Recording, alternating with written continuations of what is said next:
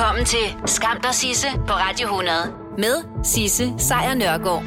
Ja, velkommen til. Det her, det er som bekendt bare en podcast. Hvis du vil høre The Real Deal, så er det hver dag. Men nu har jeg altså samlet det, som jeg synes, der er skamløst godt fra sidste uges program i en podcast til dig. Hey, det var så lidt. Skam der Sisse på Radio 100 præsenterer dagens skamløse øjeblik. Vi kender godt de der historier fra Aarhus, sådan lidt, eller de der Molbo-historier, som øh, børn altid går rundt og fortæller hinanden. Altså pointen i de historier er altid, at man lige slår sig selv på låret over, hvor dumt det var. Og nu skal vi altså have en, øh, en helt ny en af slagsen, og, som man kan tilføje til bunken af den her slags historie. Fordi i Aarhus forstaden Brabrand, der lå der et lager af værnemidler reserveret til den dag, hvor en pandemi ville ramme Danmark. Kæmpe tommel op for det. På det lager, der var der omkring 2.000 mundbind, 2.000 sikkerhedsbriller og 2.000 andre værnemidler, som for eksempel sprit og, og engangshandsker. Alt det, som der har været kæmpe ballade om, at vi ikke havde nok af. I august sidste år, der tog direktøren for Sundhed og Omsorg i Aarhus Kommune en beslutning. Det pandemilager, det skulle lukke. Værnemidlerne, de skulle ud, undtagen lige de 2.000 sikkerhedsbriller. Og ja, det var i august, den her beslutning blev taget. Altså seks måneder før den her pandemi, der var forventet, den ramte. Og det er meget nemt at sige, at den var forventet. Men vi har ventet på den her pandemi i 100 år, og det har været tæt på et par gange. Men nu er den her, og den er forudset af alle verdens biologer og eksperter. Men direktøren for Sundhed og Omsorg i Aarhus Kommune, som hedder Hosea Dutschke, mente altså ikke, at den kom lige der.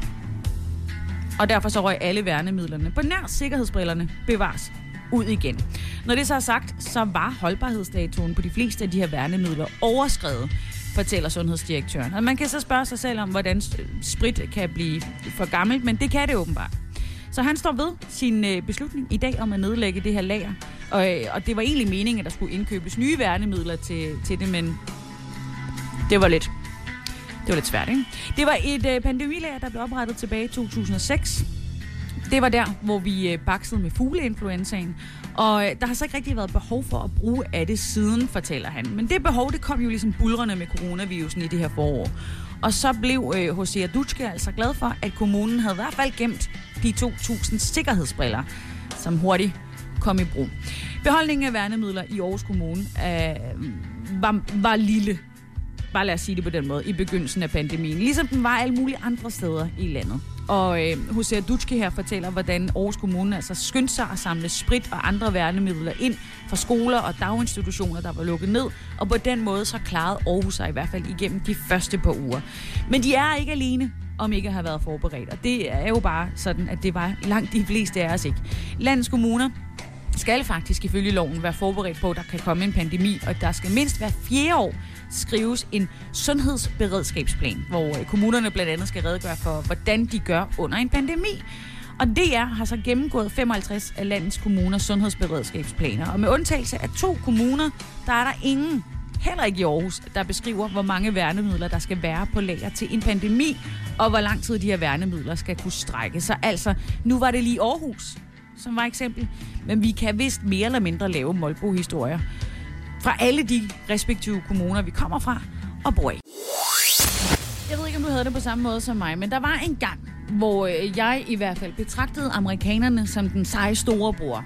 Vores allierede, vores, øh, vores homie. Men i dag så virker det lidt som om, at den der seje storebror har været i et øh, frygteligt trafikuheld, har slået hovedet og er begyndt at komme med alle mulige uhyggelige konspirationsteorier til familiemiddagerne. Men selvom man stadigvæk elsker ham, så er det sådan lidt svært. Og det er det for tiden i USA. Det har noget at gøre med det valgår. Det er valgår, og det, der er ingen hæmninger.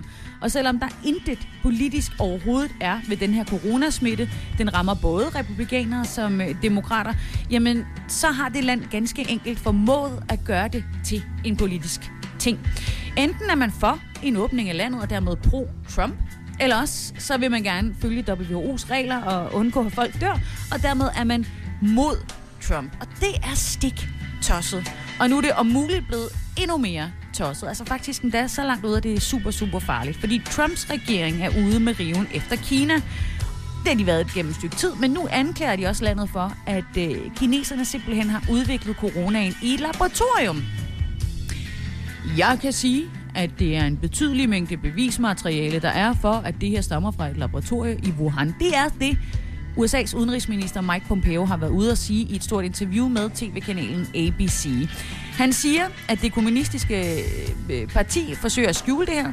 Kina opfører sig som øh, autoritære regimer gør ved at skjule og gemme og forvirre, og så bruger de altså WHO som deres værktøj. Det siger den amerikanske udenrigsminister. Han bruger selvfølgelig også den samme lejlighed til lige at få øh, kritiseret Kina for deres skødesløse håndtering af sagen.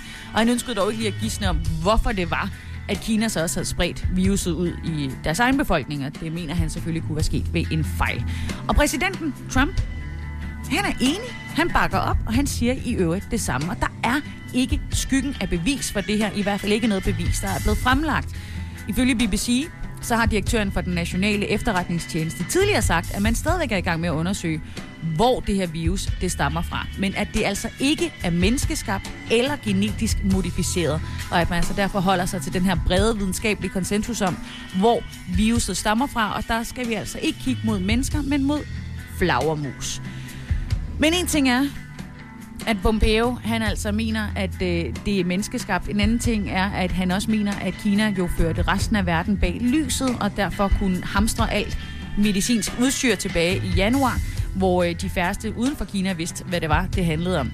Og der er cirka 95% øh, sandsynlighed for, at ændringerne i Kinas adfærd for import og eksport i hvert fald ikke falder inden for det normale interval. Det, det står der i rapporten, og det er det, Mike Pompeo så er gået på gaden med. Ja, der er øh, fuld fart på udbredelsen af ideen om, at den her sygdom er menneskeskabt. Og det er benzin på et i forvejen stærkt brændende bål i staterne i de her dage. Og så er det jo faktisk godt, at Trump han har en vaccine klar. Stort set, den er lige, lige på trapperne. Og så skal du med til øh, Venezuela. Og hvorfor skal du så det? Jamen, jeg har lidt i tvivl. Men i weekenden, der bliver der angiveligt afværget en form for kupforsøg i Venezuela. Det hævder regeringen i hvert fald. Otte personer er i hvert fald døde efter, øh, efter den her underlige situation, der skete i, øh, ud for landets nordlige kyst. Øh, otte personer, som bliver kaldt terrorist-lejesoldater, forsøgte åbenbart at trænge ind i Venezuela. Og det er altså lederen af Venezuelas konstituerede forsamling, en fyr, der hedder Diosdado Gabello, som siger i en øh, tv-transmitteret tale her i weekenden, at et stort antal våben blev beslaglagt under den her operation. Otte mennesker blev slået ihjel, og to blev anholdt. Han hævder også, Diosdado Gabello, at øh, det er en, øh, en sammensværgelse imellem Colombia og USA, som altså står bag det her påståede angreb. Og at en af dem, der blev skudt øh, eller slash anholdt, arbejder for det amerikanske narkopoliti.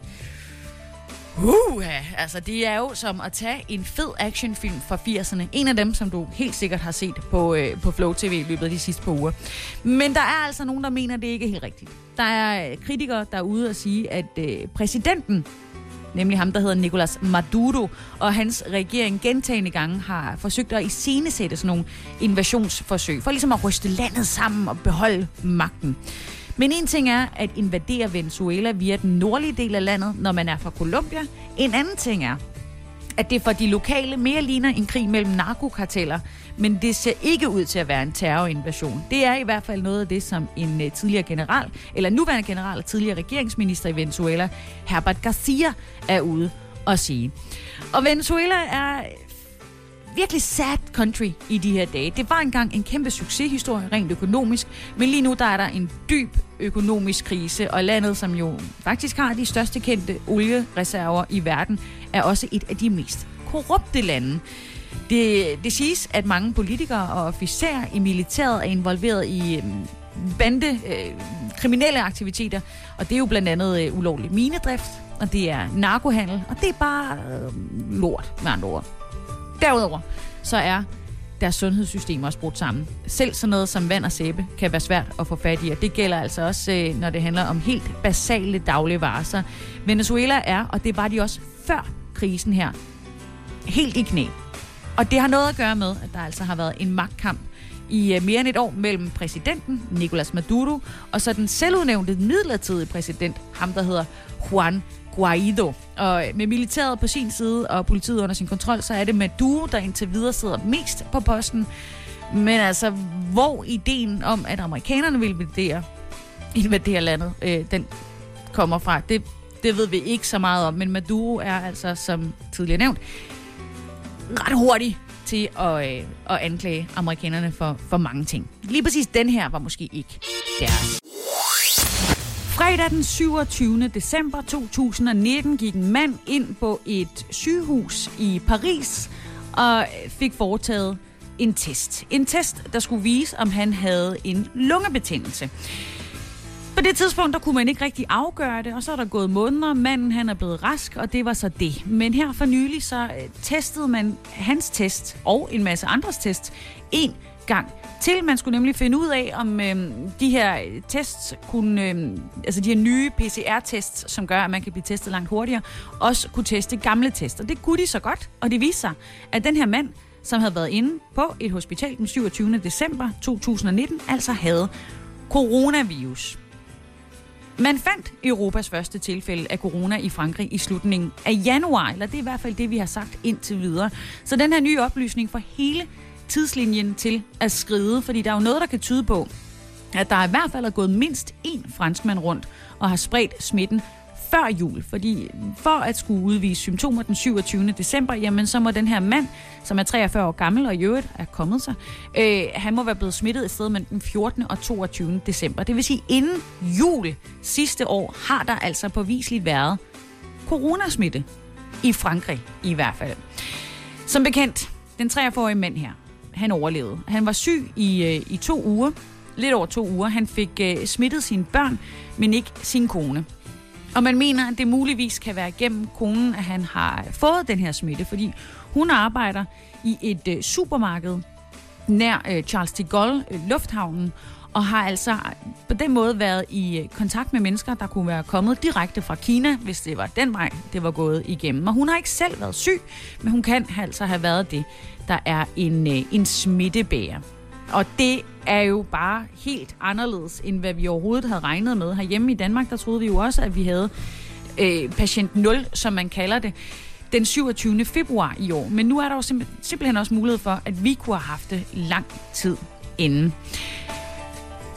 Jeg, jeg, jeg ved ikke rigtig, hvad vi skal med den her øh, øh lidt øh, frustrerende nyhed andet end at øh, kunne sige, men fint nok, så alle os, der går rundt og hostet som ind i helvede i begyndelsen af året, kan også have været smittet. Det er i hvert fald sådan, at man nu er ude og prøve at finde ud af, om der simpelthen har været langt flere smittet i Frankrig allerede i, øh, i slutningen af december, i begyndelsen af januar, end man overhovedet havde regnet med, og det hele skal altså rives op igen, det her famøse puslespil, som jeg snakkede om, og alle brikkerne skal findes på ny. Over 25.000 mennesker har altså mistet livet i, øh, i Frankrig til coronavirusen indtil videre, og altså nu er de også helt uden belæg, uden grund, uden mulighed for at kunne sige, hvornår var der en øh, reel patient 0 i landet. Det er mega frustrerende. Hvis vi lige kigger op imod nord, så siger Anders Tegnell også, altså svenskernes svar på Søren Brostrøm, at han regner med, at de i Sverige har haft coronasmitte siden november. Det er i USA, at flest mennesker indtil videre har mistet livet til coronasmitten. Næsten 70.000 ofre indtil nu. Og alligevel, så er den amerikanske præsident Trump ude at sige, at landet snart genåbner, og at den åbning, den bliver, og nu citerer jeg, meget, meget succesrig. Ja, så stor en succes faktisk, at den amerikanske økonomi allerede til efteråret vil være god igen, ligesom hans øh, svigersøn Jared Kushner også er ude og bakke op og sige, at den amerikanske regerings håndtering af hele den her coronakrise allerede kan kaldes en succes. Men der er noget, der stikker ud. Ja, det havde du nok gættet. Men et øh, internt regeringsdokument, som avisen The New York Times har fået fat i, det viser, at genåbningen kan komme til at sende det daglige dødstal helt i vejret. Ja, der står faktisk, at inden maj er over, så forventer amerikanske myndigheder, at det her dødstal det vil stige til omkring 3.000 døde dagligt. Det er angiveligt en fremskrivningsmodel, som skulle være baseret på et internt dokument, som Trump-regeringens nationale beredskabsstyrelse ifølge The New York Times har udarbejdet. Så det er, det, det er reelt nok. Og den her styrelse anslår, at der i slutningen af maj vil hver dag komme til at være øhm, den starter lige forfra, at der i slutningen af maj hver dag vil komme ca. 200.000 nye coronasmittede til. Og at der derudover altså også desværre vil være 3.000 døde. Til sammenligning er der lige nu omkring 25.000 nye smittede om dagen, men der er et kæmpe mørketal, for man kan ikke teste hurtigt nok. Og så er der altså 1000 til 2000 corona-relaterede dødsfald om dagen. Det er, skriver den anden avis, nemlig den, der hedder The Guardian. Og det Hvide Hus har ikke været ude og så sige, det passer ikke med det her dokument. Men de kalder det for et internt dokument og understreger altså, at dokumentet ikke har været forbi præsidentens coronavirus task force, altså det her famøse task force, hvor Mike Pence, vicepræsidenten, han er i spidsen. Og det har heller ikke været godkendt af andre amerikanske myndigheder. Men Trump og hans eksperter i øvrigt, de har altså opjusteret det forventede antal amerikanere, som kommer til at dø af virusen, altså hvad de regner med, der kommer til at ske. For et par uger siden, der lød det sådan, at omkring 60.000 vil miste livet. Men det tal er jo for længst overskrevet. Øh, og søndag der lød det så for Donald Trump, at han regnede med, at det samlede dødstal i stedet vil stige til omkring 100.000 mennesker. Men selv det tal er for lavt. Det viser i hvert fald fremskrivningsmodeller fra University of Washington, som den amerikanske regering altså tidligere har lænet sig op af. Fordi de forventer, at der kommer til at være et dødstal på omkring 134.000 mennesker inden den 4. august. Tidligere der forventede det samme universitet omkring 74.000 døde. Men på grund af, at øh, der kommer den her snarlige genåbning af USA, jamen så har de altså opjusteret tallet til næsten det dobbelte. Og de er jo altså anderledes nu, fordi de kommer til at medregne, at der vil være en stigning af syge, fordi der kommer til at være en større mobilitet i staterne. Folk kommer til at gå ud og mødes og kramme og være præcis sådan, som de ikke skal være efter den 11. maj. Det føles som om, det er lige om lidt, at der er sommerferie. Og øhm, personligt, så havde vi planer om hjemme i vores lille hytte, at vi ville gentage en øh, succes, som vi kørte sidste år. Der tog vi nemlig vores bil ned igennem Europa, kun med et, øh, et kort med over ladestander i, øh, i Europa. Og trust me, det skal man virkelig vide, hvis man har en, en elbil. Og så hoteller, som vi virkelig gerne vil opleve. Så vi var et smut forbi Hamburg, og vi var i Bayern, og Østrig, og Schweiz, og Italien, og så også lige et smut forbi Berlin på vejen hjem. Og det var en, en kæmpe tur. Det var magisk, og det var øh, virkelig godt, og det var så godt, at vi faktisk havde tænkt os, at vi ville gøre det igen til sommer. Men det skal vi ikke. I år der skal vi nok til Bornholm i stedet for. Det er, der jo, øh, det er jo dejligt. Jeg elsker Bornholm. Det er den dejligste ferieø, og det er der nok også rigtig mange andre, som der skal. Ikke nødvendigvis øh, til Bornholm, men simpelthen at holde en sommerferie herhjemme. Og det gør altså noget, som der igen går ud over vores venner i Sydeuropa. Fordi en ting er, at de indtil videre i hvert fald har været hårdest ramt af coronasmitten. Nu bliver de også ramt på det, som er en stor del af deres indtægt, nemlig turismen. Hele den europæiske turistindustri er blevet lagt ned på grund af corona. Det siger jo et eller andet sted sig selv. Samlet set så udgør turismeindustrien og alle de brancher, som jo er koblet op på den, ifølge tal fra Europakommissionen, godt 10 procent af EU-landenes samlede bruttonationalprodukt. Det er big business, det her turisme. Folk elsker at besøge os, netop fordi, at det jo er øh, hammerne herligt. Men det er altså også 27 millioner job, eller omkring 12 procent af medlemslandenes samlede arbejdsstyrke, som er direkte eller indirekte afhængig af lige præcis turismen. Og turismen, det, den kommer altså ikke til at blomstre den her sommer, fordi med en sommerferie lige om hjørnet, så kommer den her krise altså også til at få alvorlige konsekvenser for ikke mindst Italien og de andre populære ferielande i, øh, i Sydeuropa, som i forvejen jo var hårdt ramt med høje dødstal og lukkede økonomier. Og ifølge kommissionens eget skøn, så vil øh, hoteller og restauranter i Europa miste halvdelen af deres indtægter i år. Værre ser dog ud for både rejsearrangørerne og byråerne. De står nemlig til at skulle vinke farvel til 70 procent af deres indtægter. Og så er der jo flybranchen og krydstogsrederierne, som øh, altså simpelthen ser øh, 90 procent af indtægterne forsvinde lige nu. Men det skøn er baseret på en situation i hele Europa, og kommissionen understreger, at der altså er lande, der er mere afhængige af turister end andre, og derfor vil de altså også blive hårdere ramt. Og de har øje for det, og der bliver talt om at lave hjælpepakker. Øhm, der er brug for penge nu og her, så virksomhederne kan klare sig og holde sig oven vande, men der er også brug for langsigtet hjælp, og der vil Europakommissionen altså øh, simpelthen gå ind og finde ud af at, at lave en genopretningsfond, som EU-landene så kan etablere sammen, men man er selvfølgelig fortsat uenig om, hvordan den kommer til at se ud. Men vi håber, at det bliver næste år, vi besøger Italien igen. I Rusland er der en meget uheldig bivirkning ved coronasmitten. Angiveligt så er tre læger nemlig faldet ud af vinduet.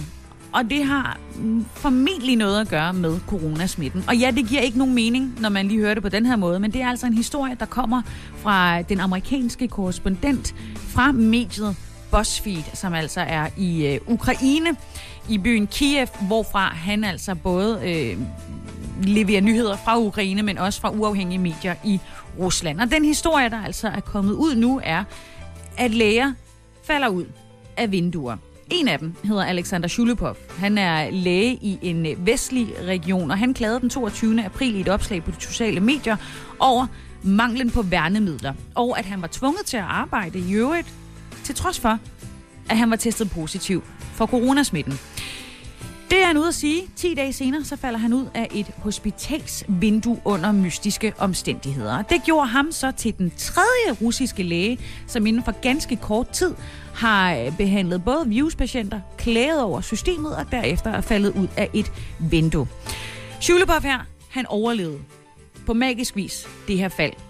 Det har jo noget at gøre med, at vinduet, han faldt ud af, var på anden sal, men han har altså et kraniebrud og er i en kritisk tilstand. Men de to andre læger, de klarede den ikke. I fredags, der døde en, øh, en læge, der hedder Jelena. Hun var overlæge på et hospital for krigsveteraner i en sibirisk by. Hun døde af de kvæstelser, som hun fik, da hun faldt ud af sit kontorvindue på 5. sal. Det gjorde hun den 25. april, og så døde hun altså i fredags. Hun havde netop klaget over, at hendes hospital skulle laves om til et corona-afsnit. Øh, det havde hun klaget over for sundhedsministeren i øh, Rusland. De manglede sikkerhedsudstyr, de manglede personale, og så var hun uheldig med et vindue. Dagen inden Jelena, så var det lægen Natalaya, som altså var overlæge i en øh, by nær Moskva, og hun døde også i en mistænkelig ulykke, som også involverede et vindue. Øh, der er flere uafhængige russiske medier, der fortæller, at den ulykke bestod i, at hun var faldet ud fra, fra vinduet, men der er også nogen, der siger, at det simpelthen handlede om, at hun, var, øh, hun havde smittet flere af sine kollegaer og var blevet frygtelig ked af det over det. Politiet har ikke bekræftet nogen af de her begivenheder over for BuzzFeed. Men under alle omstændigheder, så er det altså tre læger, hvis meget mistænkelige bivirkning ved at klage over den måde, som de skal behandle de coronasmittede på i Rusland, simpelthen er faldet ud af vinduer. Den reelle statsleder i Rusland, det er jo stadigvæk Vladimir Putin, og han sagde til at begynde med under den her pandemi, at coronasmitten var helt under kontrol, ligesom den også var helt under kontrol i alle mulige andre lande, for eksempel Brasilien eller USA. Men da der så begyndte at dukke smittet op i parlamentet, og der var tusindvis af smittet i offentligheden, så indførtes der også strenge afstandsregler i Rusland. Men der er ingen, der helt med sikkerhed ved, hvor galt det står til derovre. Skam der Sisse på Radio 100 præsenterer dagens skamløse øjeblik. Når myndighederne siger til offentligheden, at der skal holdes afstand, og man ikke skal invitere mennesker øh, uden for sin såkaldte smittecirkel ind i sit hjem til en omgang tæt hygge, jamen så går det ikke, hvis dem, som er myndighederne, ikke gør det samme. For eksempel tænk, hvis vores sundhedsminister, Magnus Heunicke, han blev set til en kæmpe Grand Prix-fest eller et eller andet her i næste uge. Det ville jo være som at flå sin stilling væk i et lynhurtigt rev. Ikke desto mindre, så sker det alle steder. Altså ikke at Heunicke øh, overtræder reglerne. Det ved jeg vidderligt ingenting om. Men andre gør. Nemlig den britiske epidemiolog, jeg kan ikke sige det, Neil Ferguson. Han har øh, været med til at kickstarte det her lockdown i Storbritannien, og det gjorde han selvfølgelig efter, at myndighederne selv havde en forholdsvis langsom og ret fatal start. Det var blandt andet hans estimat på antal døde, der var direkte årsag til, at der blev reageret hurtigt. Og hans guidelines til, hvordan britterne skulle holde afstand, er næsten, altså, de er jo blevet til lov. Der var bare en lille arbejderbej i det for Neil Ferguson, nemlig at han ikke selv kunne holde dem. Han har simpelthen øh, trukket sig nu som rådgiver for den britiske regering under det her udbrud, og det har han gjort efter, at han har brudt reglerne for social afstand, og det har han altså gjort ved at modtage besøg af sin kæreste i sit hjem.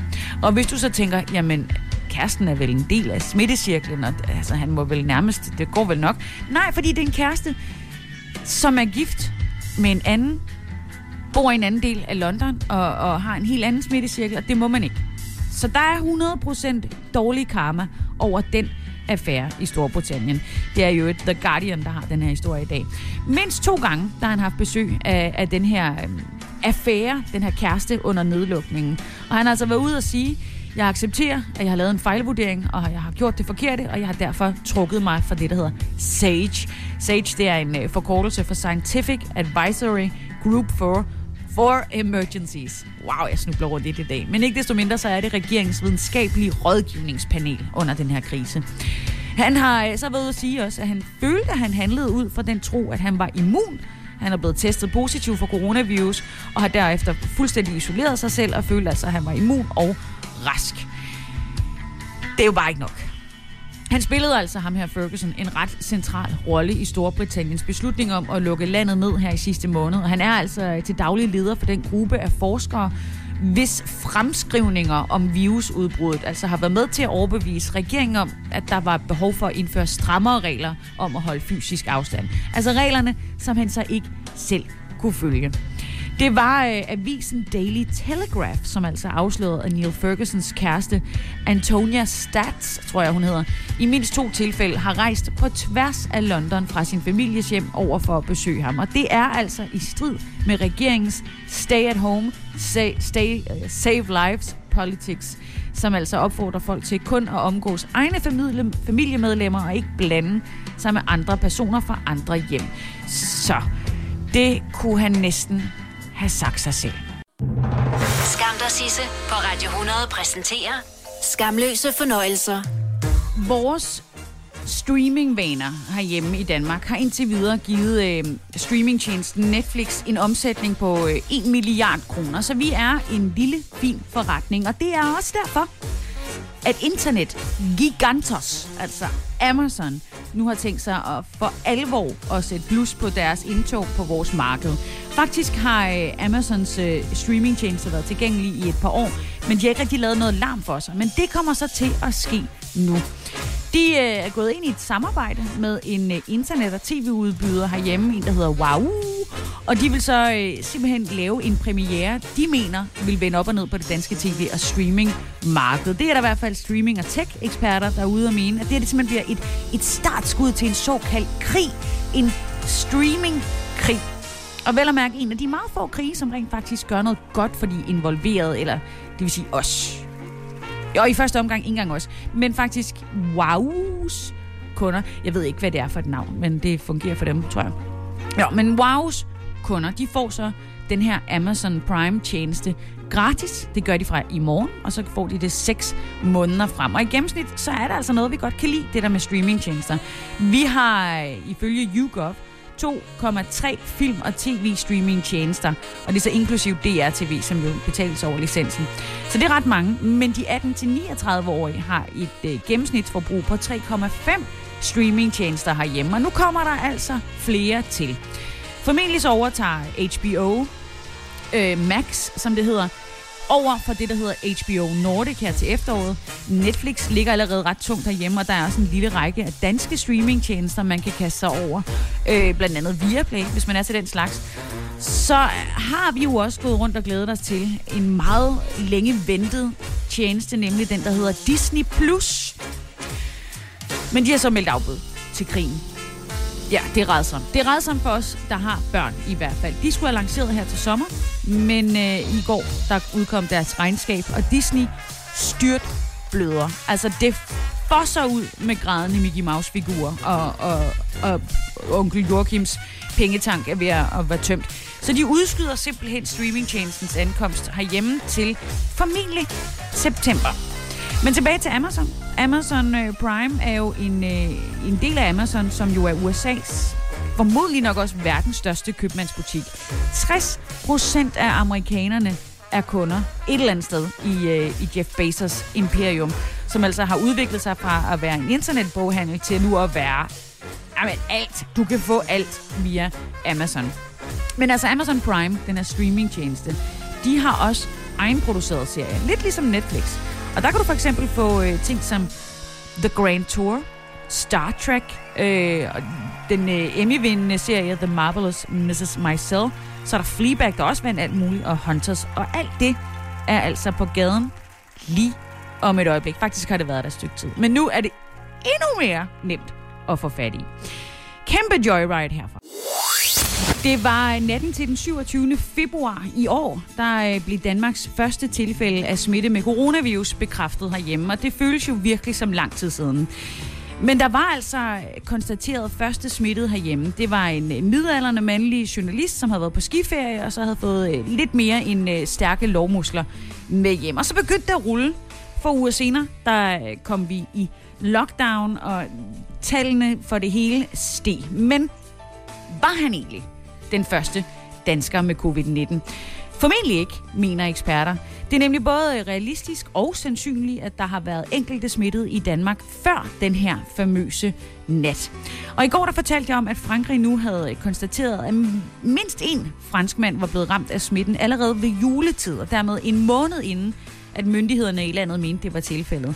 Og i Sverige, der var de også begyndt at spekulere i det, fordi de mener også, at det er meget sandsynligt, at svenskerne var smittet helt så tidligt som i begyndelsen af december. Og det har altså fået WHO til at opfordre verdens lande til at undersøge, om coronavirusen i virkeligheden er kommet til de enkelte lande, før at man i hvert fald officielt har meldt ud, at de, de første smittede er blevet registreret. En af dem, herhjemme, som mener, at det er sandsynligt, at vi har haft coronavirusen øh, længere tid tilbage end den 27. februar.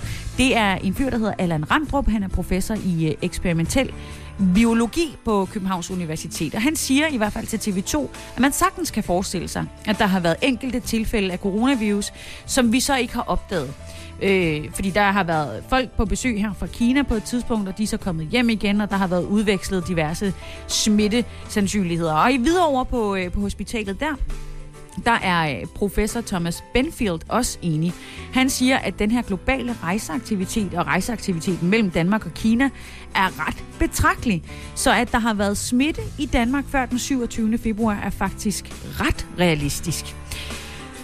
Lige for at vende tilbage til Allan Randrup, altså professor i eksperimental biologi. Han mener altså ikke, at der er noget, som peger retning af, at der har været en udbredelse af coronasmitten i Danmark i lang tid før, at vi ligesom fik det første bekræftede tilfælde i slutningen af februar. Men han mener, at der har kan være tale om, om enkelstående tidligere tilfælde. Altså nogen, der ikke har haft held, skulle jeg til at sige, eller hvor vi har været heldige nok til, at de ikke er smittet hurtigere. Så det anses altså stadigvæk som at være de mange hjemvendte fra, fra de her skiture, som havde corona med i tasken og i kroppen, og det var det, der gjorde, at epidemien først for alvor tog fart. Men er det sådan, at den har været her før, så, øh, så kan det altså fortælle forskerne lidt mere om, at det har cirkuleret i længere tid i verden, end vi har været opmærksom på, og om øh, det her ikke er noget, der bare sådan lige skete lige pludselig. Altså det, vi oplever nu, det er simpelthen toppen af isbjerget, som vi så pludselig kan se foran os. Og her til efteråret, så har de altså planer om at undersøge det yderligere. Lige nu der er der lige nogle andre ting, der måske er lidt mere presserende. Skam dig, Sisse, på Radio 100 præsenterer Skamløse fornøjelser ret beset, så skal du sådan set ikke med mig i, øh, i rummet. Men altså, det vil ikke være den mærkeligste historie, der vil være kommet ud i år, øh, hvis der var nogen, der havde besluttet sig for at sende mig afsted. Fordi 2020 er jo mere eller mindre kun begyndt, når det handler om sindssyge nyheder. Men en af nyhederne fra i dag er en nærmest dead giveaway, fordi det handler om, at skuespilleren Tom Cruise, han skal ud i rummet og optage en film. Jamen selvfølgelig skal han det. Og der er jo mange film, der er lavet med astronauter og rumskibe og alt det jazz, men der er ikke rigtig nogen af dem overhovedet, der er blevet indspillet ude i rummet. Men den amerikanske skuespiller Tom Cruise, han er jo kendt for at lave sin egen stunts. Så selvfølgelig skal han også indspille den her film, han har på øh, menuen om rummet ude i rummet. Og det er simpelthen USA's rumfartsagentur, altså det, der hedder NASA, som har været ude at sige, at de altså arbejder på at lave en film, på den internationale rumstation ISS med Tom Cruise i hovedrollen. Så, hvorfor ikke? Det er jo et, øh, et yndet sted at hænge ud. De sidste 20 år, der har ISS haft øh, en løbende udskiftet øh, besætning af astronauter fra hele verden. Øhm, det var faktisk også på ISS, at Danmarks første astronaut, Andreas Mogensen, han tilbage i 2015 var i en, i en uges tid. Og det er altså heller ikke første gang, at mennesker, som ikke er astronauter, kan få lov til at besøge stationen. Der har været enkelte øh, sygt rige mennesker, som altså har betalt store beløb for at få lov til at besøge ISS. Men Cruise, han bliver altså den første skuespiller til at komme ombord, øh, hvis den her film kommer til at blive et real, en realitet. Og han kommer ikke til at betale for det, han bliver jo simpelthen betalt for at tage ud i rummet. Og grunden til, at han bliver betalt for det, det er, at NASA har en øh, klar forventning om, at hvis man smider en film på det store lærred med Tom Cruise som trækplaster, så kan det skærpe interessen for udforskning af rummet, og det vil de rigtig gerne have, at der er nogen, der gør, altså bliver vildere med at kigge på rummet, end vi i forvejen er. Lige nu der er det bare det, at det er Rusland, der er det eneste land, som er i stand til at transportere folk til og fra rumstationen. Men der er altså en række private amerikanske virksomheder, som Boeing og SpaceX, der jo ejes af Teslas øh, stifter Elon Musk. De arbejder også lige på at lave rumfartøjer, som altså giver USA den samme mulighed. Og når ja, dermed også Tom Cruise. Du vil bygge i Amerika? Ja, selvfølgelig vil jeg det. Reglerne gælder for alle. Også for en dansk pige, som er blevet glad for en tysk officer. Udbrændt til kunstner. Det er jo sådan, at direktør Conradsen, han ser på mig. Jeg har altid set frem til min sommer. Gense alle dem, jeg kender. Badehotellet den sidste sæson. Stream nu på TV2 Play. Haps, haps, haps. Få dem lige straks. Hele påsken før, imens billetter til max 99. Haps, haps, haps. Nu skal vi have... Orange billetter til max 99. Rejs med DSB Orange i påsken fra 23. marts til 1. april. Rejs billigt, rejs orange. DSB, rejs med. Haps, haps, haps. Vi har opfyldt et ønske hos danskerne. Nemlig at se den ikoniske tom skildpadde ret sammen med vores McFlurry. Det er da den bedste nyhed siden nogensinde. Prøv den lækre McFlurry tom skildpadde hos McDonald's. Skam dig, Sisse på Radio 100 præsenterer Skamløse fornøjelser. Da jeg var barn, og nå ja, let's be frank, nok egentlig stadigvæk, der ville jeg rigtig gerne have en Porsche. En øh, 911. Den skulle være rød, selvfølgelig, og, øh, og gerne fra 1960'erne, for der var de bare smukkest. Sådan er det bare. Så jeg kan altså godt relatere til den her femårige dreng fra staten Utah i USA, hvis drøm er at få slash købe en Lamborghini. Det er nemlig en drøm, der har simpelthen øh, gjort ham mere eller mindre viral i hele verden. For han besluttede sig for at købe den her Lamborghini. Igen fem år gammel. Øh, og han ville købe den i Kalifornien. Og for at komme til Kalifornien, der må han jo køre derover. Og det var der ikke rigtig nogen, der overgået. Så han stjal sin mors bil og tog turen selv. Eller det vil sige, at han kom ikke sådan voldsomt langt. Han blev heldigvis stoppet af politiet, fordi han kørte 40 km i timen på en landevej, og en smule usikkert.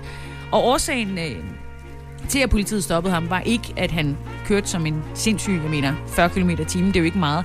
Han havde bare ikke lige lært det der med at blinke af, eller basic øh, trafikregler og sådan noget. Det fik altså øh, politiet til at stoppe ham. Nå ja, det er så, at han var freaking fem år gammel. Ifølge CNN så forklarede den her dreng, at han havde taget øh, sine øh, forældre sin bil, fordi han ville køre den lange vej til Kalifornien for at købe sig en Lamborghini. Ja, og han var ikke bare sådan, han kom ikke uden noget i lommerne, han havde simpelthen også taget penge med til projektet. 3 dollars havde han taget med til sin tur. Betjenten, der stoppede ham, hedder Rick Morgan, og han har altså fortalt til CNN, at drengen sad helt ude på det yderste af forsædet, så han lige kunne nå ned til bremsemedalen med sin ene fod. Og han måtte også, den her betjent, altså hjælpe den unge knægt her med at få bragt øh, automatgearet i bilen i, i parking, så den ikke blev ved med at trille. Og, øh, og så er de så efterfølgende fundet ud af, hvordan det kunne være, at den her femårige dreng overhovedet var taget afsted. Og det viste sig, at han havde været op og skændes med sin mor, fordi hun ikke havde tænkt sig at købe en Lamborghini til ham. Og der vil jeg sige, fair nok, helt fair, fuldstændig. Øh, det er mange penge. Hun var så taget på arbejde og havde efterladt ham til en øh, større øh, søskende i familien, som så ikke havde opdaget, at drengen så tog bilnøglerne og smuttede med de her 3 dollars på lommen. Der var ingen, der kom til skade under den her kørsel, og den lokale anklager skal nu afgøre, om drengene, øh, eller drengens forældre skal sigtes for, at de overlevede pasning af den her knægt til hans søskende, men helt seriøst. Jeg tror, det er et spørgsmål om timer, før en eller anden rig dame eller dude tilbyder den her dreng en tur i en Lamborghini, og det, øh, det, det er sådan, det skal være. Det, det er jo kun en fin historie, så længe der ikke sker noget. Og så vil jeg bare lige sige, at jeg også er klar på øh, få en tur i en Porsche, hvis der er nogen. Hvis der er nogen, der har. Jeg er ikke kaj med øh, farven mere. Det må stadigvæk gerne være 911. Gerne fra 60'erne. Men altså, så skal jeg heller ikke bede om mere end det der. Jeg vil bare være glad for en lille bitte tur. I mandags der kunne jeg fortælle om et kupforsøg i Venezuela, eller jeg kunne fortælle om det, som myndighederne i landet kaldte et kupforsøg, men som rigtig mange har været ude at kritisere og kalde enten opstillet eller narkorelateret. Men den øh, venezuelanske, du ved hvad jeg mener, regering, de kalder det altså amerikansk styret. Altså at amerikanerne vil af med den ledende øh, præsident, altså ham der hedder Maduro, men jeg må erkende, at jeg tænkte, for åben mikrofon bevares, at øh, amerikanerne nok har sådan rimelig meget gang i alt muligt andet for tiden, end at rundt og kuppe diverse lande rundt omkring. Også selvom Venezuela er helt til rotterne, fordi den nuværende præsident i USA, han er jo ikke ligefrem typen, som virker optaget af andet end, øh, end ham selv og den situation, han er i. Men det er 2020. Verden er vildere, end øh, jeg gik rundt og troede. Og det viser sig faktisk, at den ikke er helt forkert med den der amerikanske modvilje mod Venezuela. Nok endda til at forsøge et kup. Det hænger bare slet ikke sammen, som du måske forestiller dig nu, eller som jeg overhovedet kunne forestille mig.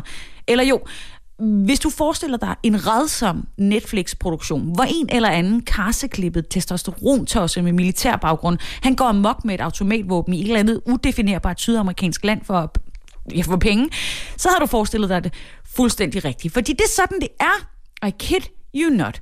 Bag det her fejlslåede kup, der er fandme en amerikansk elitesoldat, som med en, ja, livlig fantasi, har været simpelthen lige ved at sende verden ud i endnu en politisk krise. Fordi han forsøgte sig med en travlet omgang underernærede soldater og fem hunde simpelthen at invadere Venezuela. Og det hele gik jo galt. Altså, det gjorde det jo, og nu står det faktisk fast, at Maduro har vundet en kæmpe sejr, fordi det var rigtigt, det han meldte ud. Men også fordi, at, og, og nu kommer bonusen, elitesoldaten er en tidligere sikkerhedsvagt for Donald Trump. Jeg vil ønske, at jeg havde et brag af en lyd, jeg kunne smide ind her. Men fyren hedder, han hedder øh, Jordan Goodrow, og så er han altså i gang med her på den her video, jeg har taget et lille snas, en lille klip fra, at fortælle om kuppet i søndags. Men det, han er i gang med at fortælle, det er, det er fejlslået, og det ved han så ikke på det her tidspunkt. At 1700 hours, a daring amphibious raid was launched from the border of Colombia deep into the heart of Caracas. Our men are continuing to fight right now. Our units have been activated in the south, west and east of Venezuela. Ja, det var i hvert fald det, han regnede med, men, men det hele var blevet lukket ned, inden han overhovedet nåede at få et ben til jorden, så at sige. Men der var altså amerikansk indblanding i Venezuela i søndags. Altså en tidligere elitesoldat, som altså var gået private business, om man vil, som har haft Trump, Trump som øh, en af sine kunder, og som var overbevist om, at han havde den perfekte plan til at vælte Venezuela. Jamen, altså, ej, jeg, altså 2020 kommer til at være enden for mig. Skam dig, Sisse på Radio 100 præsenterer Skamløse fornøjelser. Der er nok rigtig mange af os, der har haft gang i køleskabet og slikskuffen under den her lockdown. Og det er der absolut ingenting i vejen med. Gør det, du skal for at komme igennem den her tid, og kræver det lidt ekstra gumle på, jamen, så er det præcis det, du skal have. Fordi du er heller ikke alene. I Frankrig, der er din endda øh, gået hen og, og målt på det. Og der er altså en stor måling, som er foretaget for instituttet IFOP og nyhedsmediet BFM igen, France. Øh, og det viser, at 57 procent af franskmændene i gennemsnit har taget 2,5 kilo på, siden den franske regering den 17. marts sagde, så er det hjem med jer. Og det er altså en måling, som øh, også viser, at det ikke er fast food, som øh, franskmændene har kastet sig over de, øh, de sidste mange dage. Uh-uh. Altså, man er ikke øh, i øh, Michelin-stjernernes eget hjemland øh, og kaster sig over McDonald's. Det, det gør man ikke. Det gør man ikke. Det er øh, chokolade. Det er en lille aperitif øh, før måltiden, nok også under og efter måltidet, som de har kastet sig over. Det er charcuterie, altså lækker, frisk, pålæg. Det er så skønt. Og det bliver øh, simpelthen lige præcis det, der er årsagen til, at de altså i gennemsnit har, har taget en, en lille del på. So what? Ikke desto mindre, så er det altså DR, der skriver den her historie, og jeg har læst den, og jeg siger bare kæmpe tillykke, Frankrig. I har gennemført lockdown med vanlig klasse og i smuk stil. Ifølge forfatter og klinisk diætist, en der hedder Laurence Blumet, jeg kan ikke gøre for, det skal siges på den måde. Men så er det her en helt forudsigelig situation. Franskmændene de vælter sig i lækre madvaner i forvejen, og når man så er tvunget til at blive hjemme i mange og lange dage, så er det det, man kaster sig over. Der er mange, der har oplevet en frustration. Der er nogen, der ligefrem har angst over den her situation. Og så øh, tyr man altså til sukker som en slags modgift. Og samtidig så har det franske udgangsforbud også gjort det meget, meget svært for øh, de franske borgers muligheder for at bevæge sig. Fordi herhjemme, der må vi jo godt tage en løbetur at tage et sted hen og gå en tur. Og der er ikke sat tidsbegrænsning på. Men for øh, franskmændene, der har en gåtur eller en løbetur maksimalt må det vare en times tid. Og den skal foregå maksimalt 1 km fra ens hjem. Og så skal man altså være udstyret med en attest fra Indrigsministeriet. Og det har altså været lige præcis franskmændenes eneste mulighed for at dyrke sport. Så det holder jo på ingen måde at, at, at kunne holde det ud. Altså, det, jeg vil blive vanvittig. Men nu er det også snart slut. Både med udgangsforbud, hyggespisning og trøstespisning ifølge det her franske medie. Fordi ifølge målingen så regner hver anden franskmænd med at spise sundere fra den 11. maj, hvor øh, genåbningen af Frankrig bliver indledt. Mens 18 procent simpelthen erklærer, at de fra på mandag vil gå på regulær slankekur. Og der er jeg bare sådan held og lykke med det. altså, ej, lad nu være. Vi havde en aftale om, at vi alle sammen ville tage lidt på under den her krig. Det var aftalen, så nu skal vi ikke alle sammen begynde at gå på slankekur igen. Skam dig, Sisse på Radio 100 præsenterer Skamløse fornøjelser. I de sidste uger, der har den 100-årige tidligere herrefører i Storbritannien, Tom Moore, han har opnået en sand verdensberømmelse. Han begyndte for, for en lille måneds tid siden at begynde at indsamle penge til det britiske sundhedsvæsen ved at gå nogle sponsorerede gåture i hans have, hvilket i hans alder var øh, ja, lidt af sats. Det må man bare sige. Og så indspillede han derudover også en nummer et hitsingle i Storbritannien, da han sammen med en øh, lidt for smørfed øh, entertainer og et kor af sygeplejersker boostede sangen You'll Never Walk Alone, og der var ikke et øje tørt. Kæmpe tillykke med ham. Og for en uge siden, der fyldte han jo så de her famøse 100 år, og han blev fejret i Storbritannien med kæmpe britisk maner, om man vil. Der var kampfly, der fløj ind over hans hus. Han blev udnævnt til æresoberst i den britiske hær, og han har modtaget mere end 140.000 lykønskningskort. Altså det, er sådan, det kan man ikke engang drømme om at få i likes på, på Facebook. Så et stort tillykke herfra. Og et stort tillykke med, at han nu har inspireret andre næsten 100-årige til at gå i hans lettere vaklende fodspor. Fordi hvis vi lige kigger over mod Rusland, i det der tidligere hed Stalingrad, der sidder en 98-årig kvinde. Hun hedder Sinaida, og hun var øh, simpelthen antiluftskytte under 2. verdenskrig og kæmpede øh, med fra Stalingrad til Berlin. Og nu vil hun, ligesom den øh, britiske veteran og rollatoraktivist, som han bliver kaldt rundt omkring, så vil hun altså også samle ind til de læger, som er i fronten i kampen mod coronavirus. Så hun har altså sendt en kærlig hilsen til Tom Moore, altså den britiske fyr, som jo samlede 280 millioner kroner ind til læger og sygeplejersker i Storbritannien. Og øh, hun har sagt i den her hilsen, at du er et stærkt menneske, du er en ægte soldat, og sammen der besejrede vi fascismen i 1945, og nu kæmper vi to side om side mod virusen. Og jeg synes simpelthen, det er så rørende. Hun sendte den her besked til Tom Moore på hans øh, 100-års fødselsdag, og så lovede, lovede hun i øvrigt også lige, at hun ville strikke ham et par varme sokker i øh, fødselsdagsgave. For hun vil jo gerne gøre det samme som ham, men hun kan ikke rigtig gå. Hun er simpelthen for dårligt gående selv til at tage de her 100 runder i hendes have, som Tamor har gjort. Så hun vil i stedet hver dag frem mod den russiske sejrsdag, som er den 9. maj, så vil hun fortælle historier fra krigen og lægge dem på YouTube. Kæmpe! Altså hun må have et hav af historier. Hun blev indkaldt til den røde her som 19-årig, og blev 42 sat i to med alle mulige andre unge kvinder og sendt til Stalingrad, øh, som det jo hed på det her tidspunkt, der var under tysk belejring. Og der blev hun så anti-luftskytte, og hun nåede med den røde her hele vejen til Berlin. Så hun har altså virkelig meget at, at snakke om. Og hun har allerede øh, sat sig for at indsat, eller indsamle 3 millioner rubler. Det svarer til ca. 275.000 kroner. Og hun er indtil videre op på 2 millioner øh, rubler. Øh, og de penge, de skal, ligesom Tom Moore han gjorde det, så skal de her gå til de russiske læger og sygeplejersker. Men der er en lille twist, fordi de skal nemlig gå til familierne til dem, som allerede er døde i kampen for at undgå flere smittede. Så altså kæmpe, kæmpe kærlighed til, til gamle mennesker verden over. Kæmpe inspiration. Mm-hmm.